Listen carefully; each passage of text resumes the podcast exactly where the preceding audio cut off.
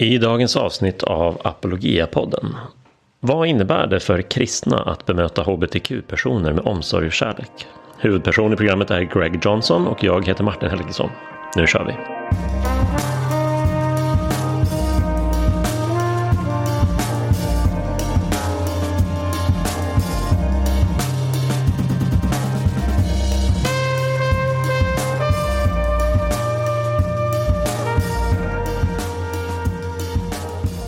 Välkomna tillbaka till Apologia-podden. Dagens avsnitt är en inspelning från Apologia Live, vårt eh, webbinar som hade rubriken Still Time to Care med Greg Johnson. Samma titel hade den bok som Greg släppte i slutet av 2021. Där han går igenom, kan vi säga, den evangelikala kristenhetens historia vad gäller att bemöta hbtq-personer. Och där han skiljer på det ena tänkesättet, care, att bemöta med omsorg och kärlek. Och skiljer det från tänkesättet cure som eh, kom in senare men som var tongivande i ett antal decennier där man istället eh, utgav eh, löften om att sexuell läggning var någonting som man skulle förändra eller bota med bön, handpåläggning och eh, olika kurser och program. Den här så kallade ex-gay-rörelsen har i princip gått i graven i modern tid och Greg eh, skildrar den historien väldigt eh, ingående och detaljerat i sin bok Still Time to Care.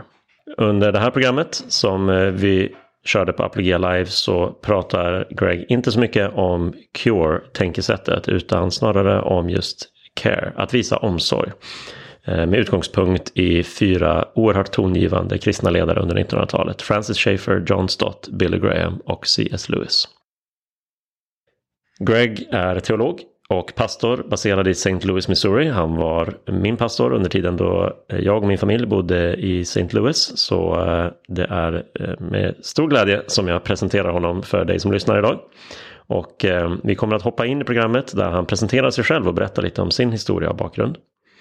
Vill du dessutom höra frågestunden med de som var med live under webbinariet så kan du gå in på vår YouTube-kanal. Där kan du se hela programmet. Eh, men också se eh, frågestunden som är ganska lång och där Greg går in på lite mer eh, vissa detaljer utifrån de frågor som tittare och lyssnare ställde. Du hittar länk till YouTube-kanalen i beskrivningen under avsnittet. Nu lämnar vi över till Greg där han ska få berätta om sin historia och eh, där han också ska få förklara vad han menar med att det är still time to care.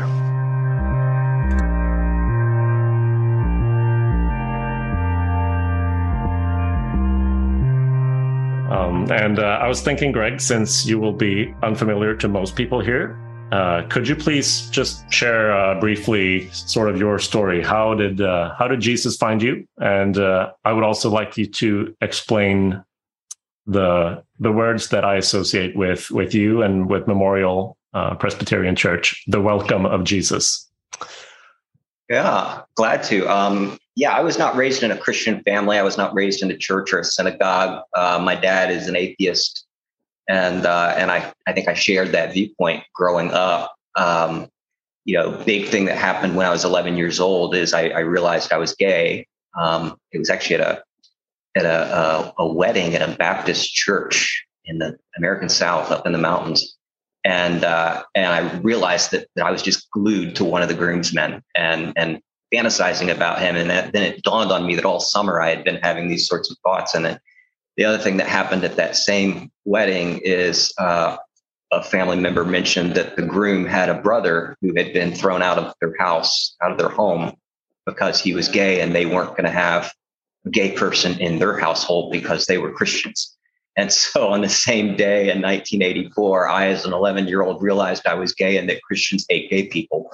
So it didn't really set me up for, for, for a very fruitful spiritual uh, uh, journey. But um, what did happen is during high school, when I was probably about 16, I started really asking some deep questions about justice, about whether human life is inherently valuable, whether there's any real significance if a billion years from now the stars will have gone out and no one will have ever known that we were here is there going to be any significance to the fact that i existed Um, and I began to conclude that, that, that there had to be value in human life and there had to be meaning. And yet, what that set me up for is sort of I didn't know at the time, but the moral argument for the existence of God that there for any finite point of reference to have any ultimate meaning, there has to be an infinite reference point, as Sartre said. And so by the time I got to college, I was I was ready to believe. I just had no understanding of Christianity. Um, you know, I didn't know if people could become Christians or how that worked. You know, I, I didn't understand anything. Um, but it was a campus ministry at the University of Virginia that first presented the gospel to me um, I had signed up to find out more, and they came and somebody explained it to me, and I, I had no idea what he was talking about. It did not make sense. He was talking about spiritual death penalties and all sorts of sin separating us from God and whatnot, and asking me if I'd ever prayed a prayer, and I lied, and I said I had because I didn't want to look unspiritual to him. but he did get me into a Bible study, and um, I became a Christian at age 18 in college and was baptized at age 20 um, and then a few years later went to seminary and uh, I've kind of been there ever ever since. You know, I, started as an intern at Memorial Presbyterian Church in St. Louis, Missouri, a seminary intern in 1994, and I never left. And I just kind of eventually became the assistant pastor, then the associate pastor, then the interim pastor, and then the, the lead. And so I've kind of spent my entire life in one congregation, which which really truly has become my family in a very hmm. very real way. Yeah. yeah, that's my story. Yeah, and so the welcome of Jesus uh, that I know, uh, I think, did you have that in your email signature? Maybe. Oh, everywhere. We we put that right everywhere because you know the notion that Jesus is is here to welcome sinners. You know, Christianity is not um, uh, a good person telling other good people how to become better it's sinners responding to the welcome of Jesus' embrace and learning to to lean into that that radical grace that that he gives when he covers over all of our sins and uh, forgives us but also covers our shame adopts us into his family and takes us as an own so that uh, as the body of christ we really are the family of god. Um, and and i always picture jesus with outstretched arms uh, ready to embrace um, ready to take us home. And then, of course, learning to live out that welcome is what discipleship is all about. Living to to interpret every experience we go through through the grid of the gospel, um, and then ultimately unleashing that that welcome to others through word and deed. Great, thank you. Well, that I think sets us up beautifully to to take on tonight's topic. Uh, still time to care. So I will uh, hand it over to you. I will disappear for a little while as you uh, talk to us, and then I will pop back on as we uh, come to the Q and A time. So uh, take it away, Greg. Yeah, thank you, Martin. Um, yeah, you know it's it's it's it's interesting because today I know on this side of the Atlantic in the U.S. the biggest apologetic issue that Christians face is this notion that I first learned when I was an 11 year old atheist, which is that Christians hate gay people. And the sad reality is that Christians historically have done a whole lot to reinforce that um, that that assumption. Uh, you know, I was afraid of Christians as as a young gay kid, and I I came of age right at the height of the AIDS epidemic in the early 1980s, um, and uh, and I just assumed that, that anybody who's religious would hate me, and uh, and that's really a big hindrance. And I, I can't imagine it's any less so on the other side of the Atlantic. In fact, I imagine it's even worse there, uh, as as Christians can be vilified uh, because of our our views on sexuality and, and marriage. But uh, part of the challenge has been, particularly in the U.S., uh, that conversion therapy and what in Christian circles was known as the ex-gay movement cast a very long shadow for about 40 years. Uh, we all heard testimonies of the gay guy who gets up on stage and talks about how he became a Christian and God changed his life. And then at the end, they parade out the wife and the kids, and and it gives this image of somebody who's experienced sexual orientation change, which typically had not actually happened. It, the movement, and it, right before it closed, Alan Chambers, the last president of Exodus International, the global, uh, uh, uh at least the, the kind of uh, overarching umbrella organization of all these ex-gay ministries, he admitted that they had had uh, a 99% failure rate at orientation change. And so, because Christians spent 40 years trying to cure homosexuality, um, we have really gotten into a paradigm where it's in, the, in North America, it's, it's hard for a Christian to even admit that they're gay, even if they're committed to celibacy or walking with God faithfully, because the assumption is that if you really repent, then God will change your orientation. And that's something that we just haven't seen happen very often.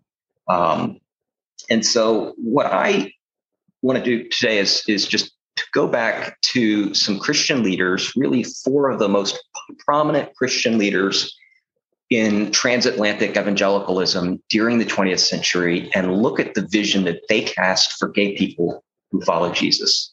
Because before the culture was saying that it's okay to be gay, when homosexuality was still illegal in much of the world, including places like the UK and the United States, um, there were Christian leaders who were advocating love and practicing love toward gay people um, in a way that was countercultural. No one was having to tell them to do it. They were the ones doing it over against the homophobic culture. And so um, I want to take a look at some of that. Um, I've always wondered if um, the celibate gay priest in Netherlands, Henry Nouwen, had his own homosexuality in mind when he wrote something here. I'm going to try to pull this up. We'll see if I can successfully do this. Um, Henri Nouwen um, spent his life working uh, with disadvantaged people, people that were overlooked. But he said this He said, Care is being with, crying with, suffering with. Care is compassion. It is claiming the truth that the other person is my brother or sister. They're human, they're vulnerable, they're like I am. Often we are not able to cure, he said, but we are always able to care. Um, John Stott was one of the most prominent uh, evangelical leaders of the 20th century, and uh, he was hailed as the Protestant Pope upon his death by the British Broadcasting Corporation. His famous book, Mere Christian, uh, uh, his famous book, Christian Basics, sold over 2 million copies. Um, John Stott said this. He was very much a, a friend of, of gay people. I'm going to again try to do these photos. I'm doing this on my phone, so uh, bear with me. Um, he said this. He said, in every discussion about homosexuality, we must be rigorous in differentiating between this being and doing. That is between a person's identity and activity, their sexual preference and their sexual practice, their constitution and their conduct. I want you to notice what Stott's here saying, because over against this paradigm of curing homosexuality, he is saying that one's sexual orientation is a part of one's identity. Now, for the Christian, it's not the core of one's identity. That's our, our union with Jesus Christ. But uh, it's a part of our identity. It's a part of our constitution, he's saying. It's a part of our, our makeup as human beings. Not central to that, but very much part of that. Uh, this notion that he wants people to be honest about that. They don't have to feel they, they, they shouldn't feel they have to hide uh, because this is just one of the ways that the fall has affected who they are. Um, C.S. Lewis, in a 1954 letter to Sheldon Vanauken, spoke of a, a pious male homosexuality with no apparent contradiction. C.S. Lewis's best friend Arthur Greeves was gay. They had grown up across the street from each other in Belfast, Northern Ireland. And, uh, you know, of course, Lewis was an atheist. Uh, Arthur Greeves um, was a Christian at the time. But uh, they, you know, Lewis describes Arthur as his, his first friend and his very best friend. They vacationed together. Um, they wrote regularly, weekly to one another. Um, the collected volume just of Lewis's letters to Arthur is over 500 pages. Um, and when um, when Arthur came out to Lewis in 1918 as gay, Lewis didn't bat an eyelash. He he said he wasn't sure if he agreed with that, but that he was nevertheless supportive. And uh, and of course, Lewis was not yet a Christian. And then a few years later, of course, um, when when Lewis became a Christian, Arthur was the first person he told his his gay best friend Arthur. And, and Lewis never really felt like he had a position of moral superiority over Arthur because Lewis's own infatuation had, had actually been with um, sadomasochistic kinds of, of thoughts. He would sign his letters to Arthur by the Latin phrase, uh, uh, uh, what was it? Uh, uh, oh, I can't remember, but it's, it's, it's the Latin phrase for whip lover. Uh, and of course, when he became a Christian, he was very ashamed of that and asked Arthur to destroy those letters, which Arthur didn't do. He blocked out the whip lover part, but uh, uh, Philomastix, that's what it was. But, uh, you know, later scholars were able to, to, uncover the truth as they do. Um, you know, later on, Francis Schaeffer, who was the founder of L'Abri Fellowship, he was I think most would say he was the most prominent figure among North American evangelical who went into academia. He was uh, an apologist, he was an evangelist, um, and uh, and he was a man who who loved gay people. You know, he's his ministry at L'Abri was frequented by a, a large number of both gay men and lesbian women who came to him and found in him this very compassionate man who would understand. He would cry with them when they looked at their future and afraid. He emphasized that the church owed it to them to show great compassion. Um, he wrote in a 1968 letter to a European pastor who had uh, who had written to Schaeffer seeking advice because he had known six different gay men who had committed suicide, and he was wondering what the church could do. And Schaeffer, of course, told him that there were two two mistakes you can make. On the one hand, you could make the mistake of the culture, which is to increasingly say that it's all relative and it doesn't really matter. Um, but the other mistake he said was the mistake that the, the conservative churches had made, including his own. Um, he uh, he said this um, in this letter to this pastor. He said the homophile tends to be pushed out of human life, and especially Orthodox church life, even if he does not practice homosexuality. This, I believe, is both cruel and wrong. Uh, you know, here's a man who who loved gay people and used his ministry to welcome gay people and to help them process what it was that they really believed about the Bible, about Jesus, about sexuality, about life.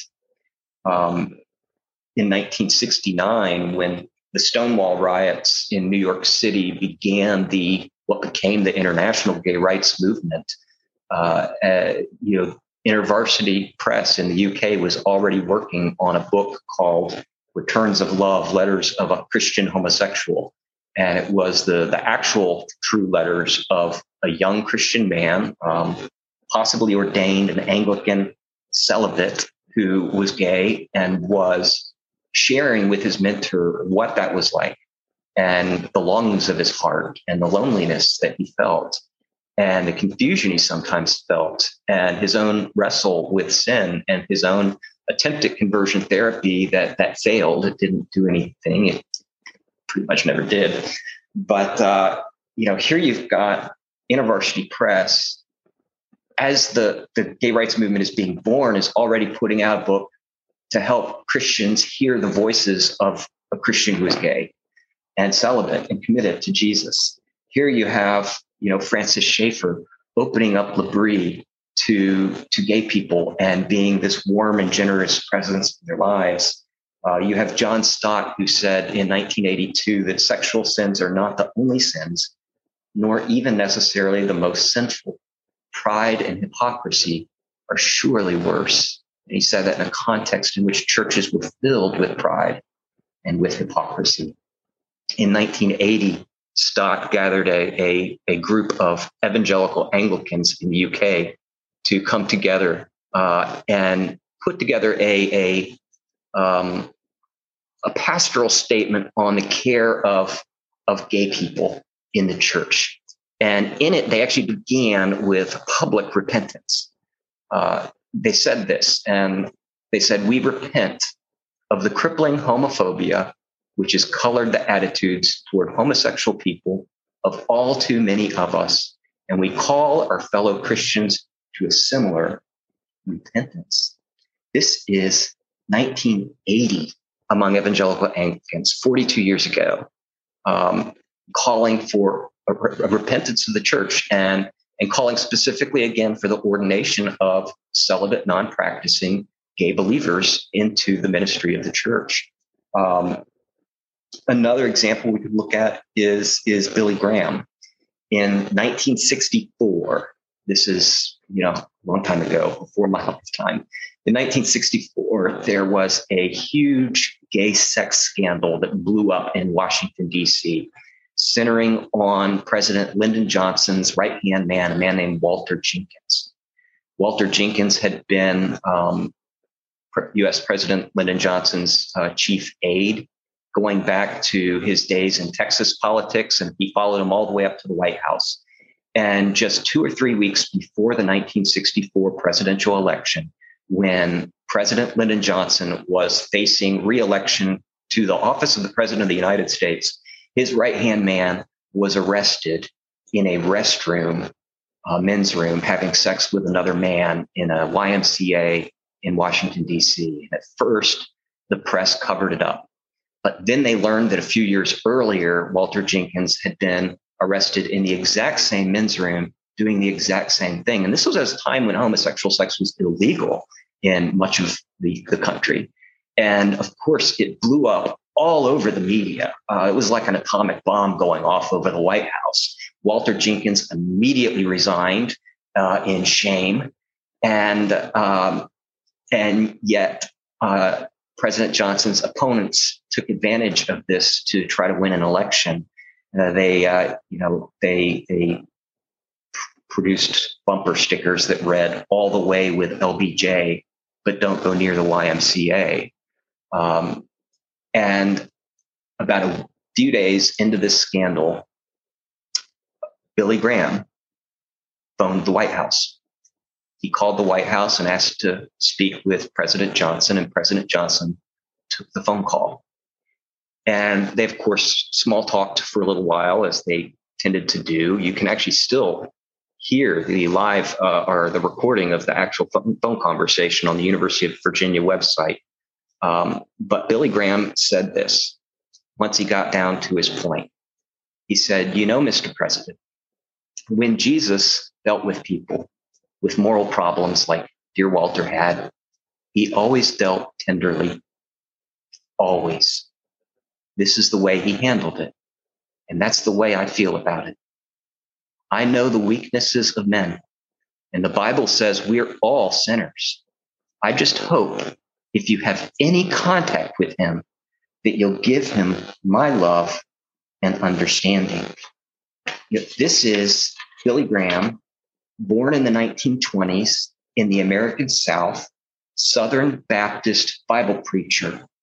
His moral convictions never wavered, but he had this dual sense of both the sinfulness of his own sin and the beauty of the gospel. And that moved him to compassion, to solidarity, to empathy. It moved him to plead with others for such empathy. It compelled Billy Graham to leverage his powerful connections to plead for a closeted gay man with a wife and kids who'd been busted for having gay sex in a public toilet and almost brought down the White House. This was 1964, and Graham put his own name on the line in order to advocate, in order to be a friend to the friendless. A few years later, in 1975, newspapers picked up the, the story Billy Graham backs ordaining homosexuals. Uh, it was a 1975 conference in uh, Western Europe in which Billy Graham was asked if he would support the ordination of a homosexual man to Christian ministry. Uh, this is using the terms of the day. And Billy Graham answered that they should be considered on their individual merit. They should be people who have turned away from their sins, including their homosexual sins, receiving Christ, offering themselves to Christ for the ministry after repentance and obtaining the proper training for the job.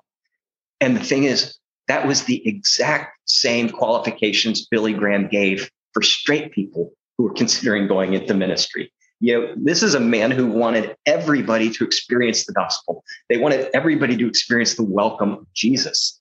And it remained Graham's priority. Um, at a news conference before his, his 1997 San Francisco crusade, the evangelist commented to a reporter that he was tired of people trying to get him to criticize gay people.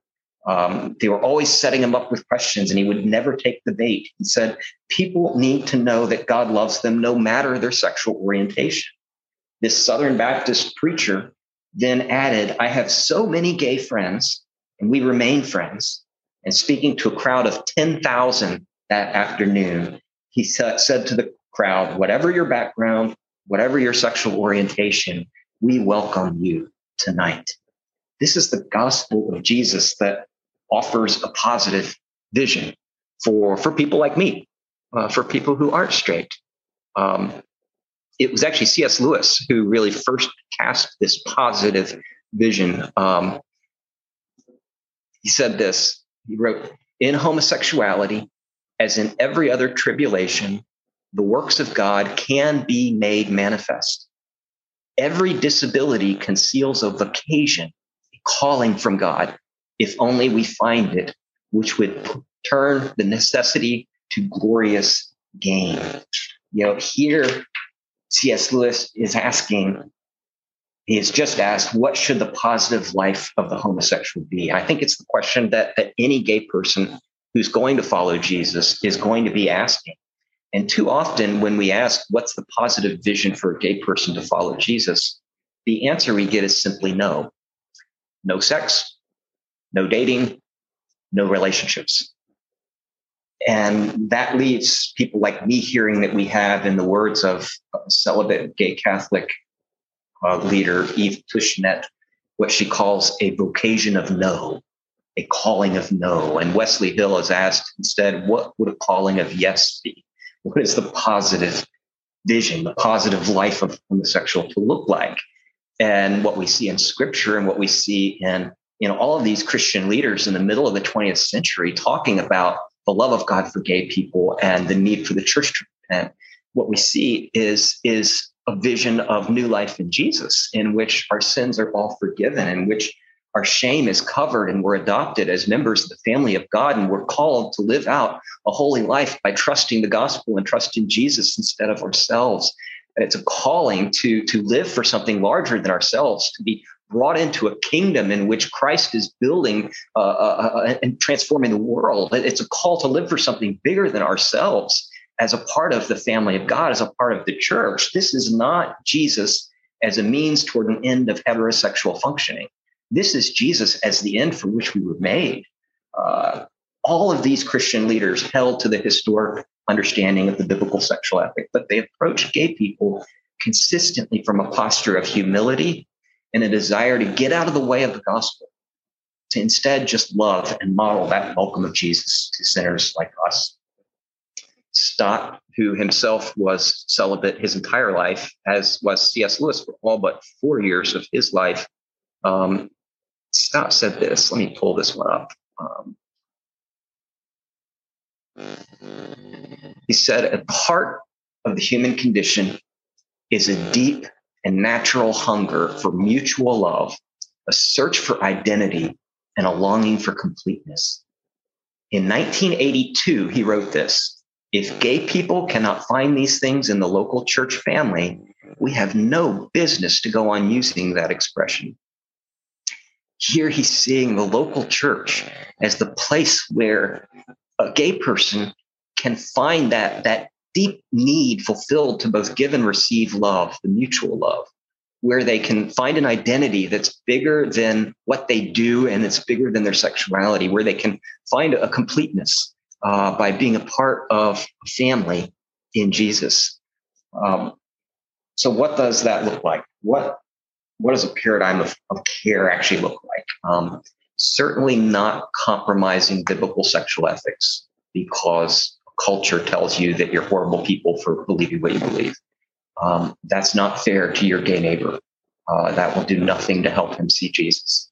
Um, but what paradigm of care does look like is, is feeling empathy towards sexual minorities, feeling companionship. As you, as Christians, are a minority within your own culture, you understand what it's like to be an LGBT person who is also a minority within, within their culture.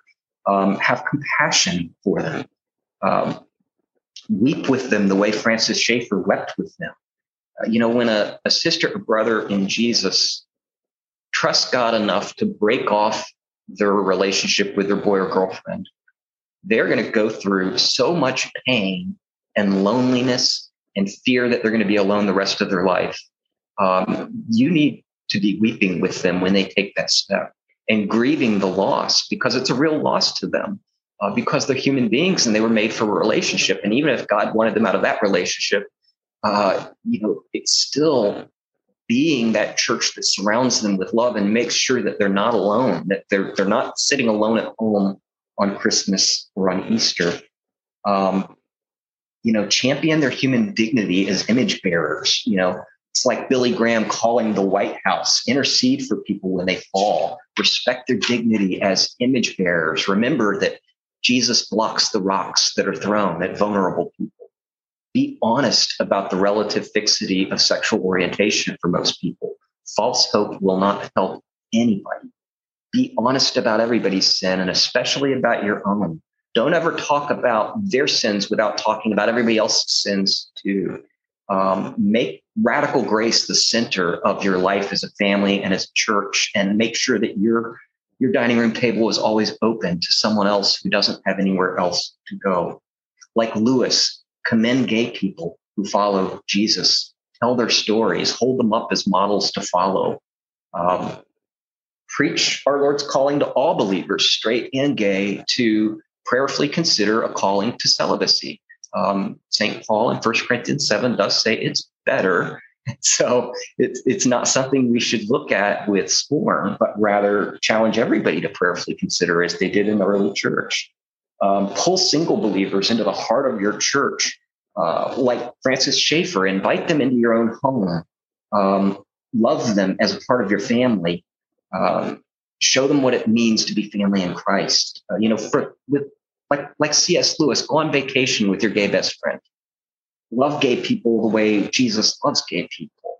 You know, these authors all advocated for making the church a haven for sexual minorities to find life in Jesus and find family within the church, despite then widespread hostility to homosexuality and toward gay people, and certainly in North American culture. Um, we see, nevertheless, a positive theological and pastoral approach toward, toward gay people um, that's focused not on curing them of their homosexual orientation, but rather caring for them in light of the challenge and the loss that they may experience on account of following Christ with that orientation. It was the conservative Presbyterian church historian and professor at Gordon Conwell Theological Seminary, Richard Lovelace, who summarized much of this pan- transatlantic evangelical vision for gay people in a 1978 book he wrote on homosexuality. This book called Homosexuality in the Church was endorsed by Ken Kantzer, the editor of the journal Christianity Today. It was endorsed by Elisabeth Elliot, by Chuck Colson, by Harold Ockenga, Carl Henry. These were the who's who of, of evangelicalism in the 1970s. Um, and in some corners of the church in, in my country, these words can seem radical in today's climate. And yet in the 1970s, they represented this transatlantic evangelical vision uh, in words that, that John Stott would later quote in 1978. Um, Richard Lovelace called for what he called a double repentance. He said there is another approach to homosexuality which would be healthier both for the church and for gay believers, and which could be a very significant witness to the world. This approach requires a double repentance, a repentance both for the church and for its gay membership. You know, that's a pretty challenging thing saying right up front in 1978 that this isn't about the gay people needing to repent. This is about all of us needing to repent. First, he said, it would require professing Christians who are gay to have the courage both to avow, that is, to publicly acknowledge their orientation openly, and to obey the Bible's clear injunction to turn away from the active homosexual lifestyle. In other words, he's saying for the gay person in the pew, the, the, the repentance is to be honest and not hide, not get in your closet, not go back to your closet, but rather come out of your closet into biblical holiness. That's the first part. Then he said this he said, second, it will require the church to accept, honor, and nurture non practicing gay believers in its membership and ordain these to positions of leadership for ministry. So for him, the challenge is a double repentance in which the church shows its repentance by ordaining celibate or uh, gay pastors or pastors who are in, who have found the ability to be in a marriage to somebody of the opposite sex. He concludes this thought with this. He says the church's sponsorship of openly avowed but repentant homosexuals in leadership positions would be a profound witness to the world concerning the power of the gospel to free the church from homophobia and the homosexual from guilt and bondage. Homosexuality in the Church, Richard Lovelace, 1978, endorsed by everyone who is an evangelical at the time. So, uh, only the gospel can open up a safe space for us to all repent together for what we call a dual repentance. Uh, and yet, this was the Christianity of Lovelace and Henry and Buckingay and Elliot and Kantzer and Colson and Lewis and Graham and Schaeffer and Stott and a young gay evangelical Anglican author who couldn't even put his own name on his own book, who wrote letters of a homosexual Christian anonymously because he was too ashamed to put his name on it. Only the gospel can give us the ability to turn our sins, uh, turn away from our sins to Jesus in this kind of double repentance, the gospel of of a God who saved the world by giving up power, um, the gospel of the Savior Jesus who died for his enemies. Um, you know, gay men in particular tend to experience what Alan Downs, psychologist, calls the velvet rage of shame and self-loathing. And uh, Downs says that people used to speculate that it was because of you know Christian influence telling gay people that they were horrible and all of that. But what happened then was that influence went away is that gay men still felt shame and still felt self-loathing and they were still constantly trying to make themselves lovable uh, gay men are at the top of nearly every field or near the top of every field because they have this drive in them to make themselves lovable to be successful enough to be lovable to be attractive enough to be lovable and so, you know, we wear the nicest clothes. We try to make ourselves look the youngest we could possibly be. Uh, we have to have the most over the top cocktail parties. We have to have the most fabulous condo or apartment. We've got to dress in the most fashionable clothes, all, you know, spend hours at the gym trying to build a body that will make ourselves lovable. And, uh, and what I found when I came to Jesus was that Jesus didn't make me lovable. Jesus made me loved. And being loved is far better than being lovable. I know of no community on earth that hungers more deeply for what only the gospel can lastingly give, which is the ability to be known, to be seen all the way down and still be in relationship, to see me in my nakedness and, and to be desired by God. Um, only the gospel can give us that because the gospel doesn't just forgive us of our sins, it, it clothes us in our righteousness. I'll end with this because I'm a preacher, and so I have to tell a story at the end. You know, the, the Bible tells us, St. Paul tells us multiple times that that we are clothed in the righteousness of Jesus. Um, that's um, better than forgiveness. That's righteousness. The difference is this: forgiveness is when you have um, all these credit cards that are all maxed out completely. You have no more credit and they're all past due and you don't have any money in your bank account. Your bank account is overdrawn. You actually owe money to the bank, even in your bank account. You've defaulted on your mortgage and on your car loan. And on top of that, you've got all of these fees that you will never be able to dig out of this debt. And you go into, you know, the bank, you sit down across the, the table from the, the bank person and they look at you and they say, Boy, Reverend Johnson, you have really gotten yourself into some trouble, haven't you? And they look at their screen, they type some things in, they say, We're going to go ahead and make this right for you. Um, we're just going to go ahead and erase all your credit card debt and just get rid of all these fees and just make all of this right. And you leave the bank and you think, this is the best service I've ever gotten at a bank. How do they stay in business? And yet, there are two things as you're walking out of that bank that are still true of you. One, you are bankrupt. And two, that bank doesn't ever want to see you again. Are you forgiven? Yes, but barely. Now, some people, when they hear that they're forgiven of their sins, they still think they're bankrupt and that God probably doesn't ever want to see them again. Righteousness is different from forgiveness. Righteousness is when the president and CEO of that bank comes rushing out the door after you saying, Mr. Johnson, Mr. Johnson, I am so sorry, Dr. Johnson, we messed up let us make this right. And you follow the ceo you know down this long corridor toward this elevator that has a key on it. And inside the elevator it's all like mahogany wood and and brushed brass fixtures. It's you know stained glass above. And you go up to the top floor and you walk down this long uh, uh, uh, uh um, this long hallway with paneling and and portraits of all of the previous presidents of this bank lining the wall and you get to this corner office and, and there's a lawyer there with a stack of papers and the ceo insists that you sit down behind her desk in her corner window of her you know nice big executive desk. And and she says i'm sorry that that guy downstairs was new and he doesn't understand how this works. Um, we're just going to go ahead and hand over to you the bank and all of its assets. If you would please initial on these papers, then we'll just transfer everything to you. And if you have the time, we do have an artist with an easel and some paints down in the lobby waiting to get uh, your likeness for our boardroom. That's righteousness. Forgiveness says you can go. Righteousness says you can come.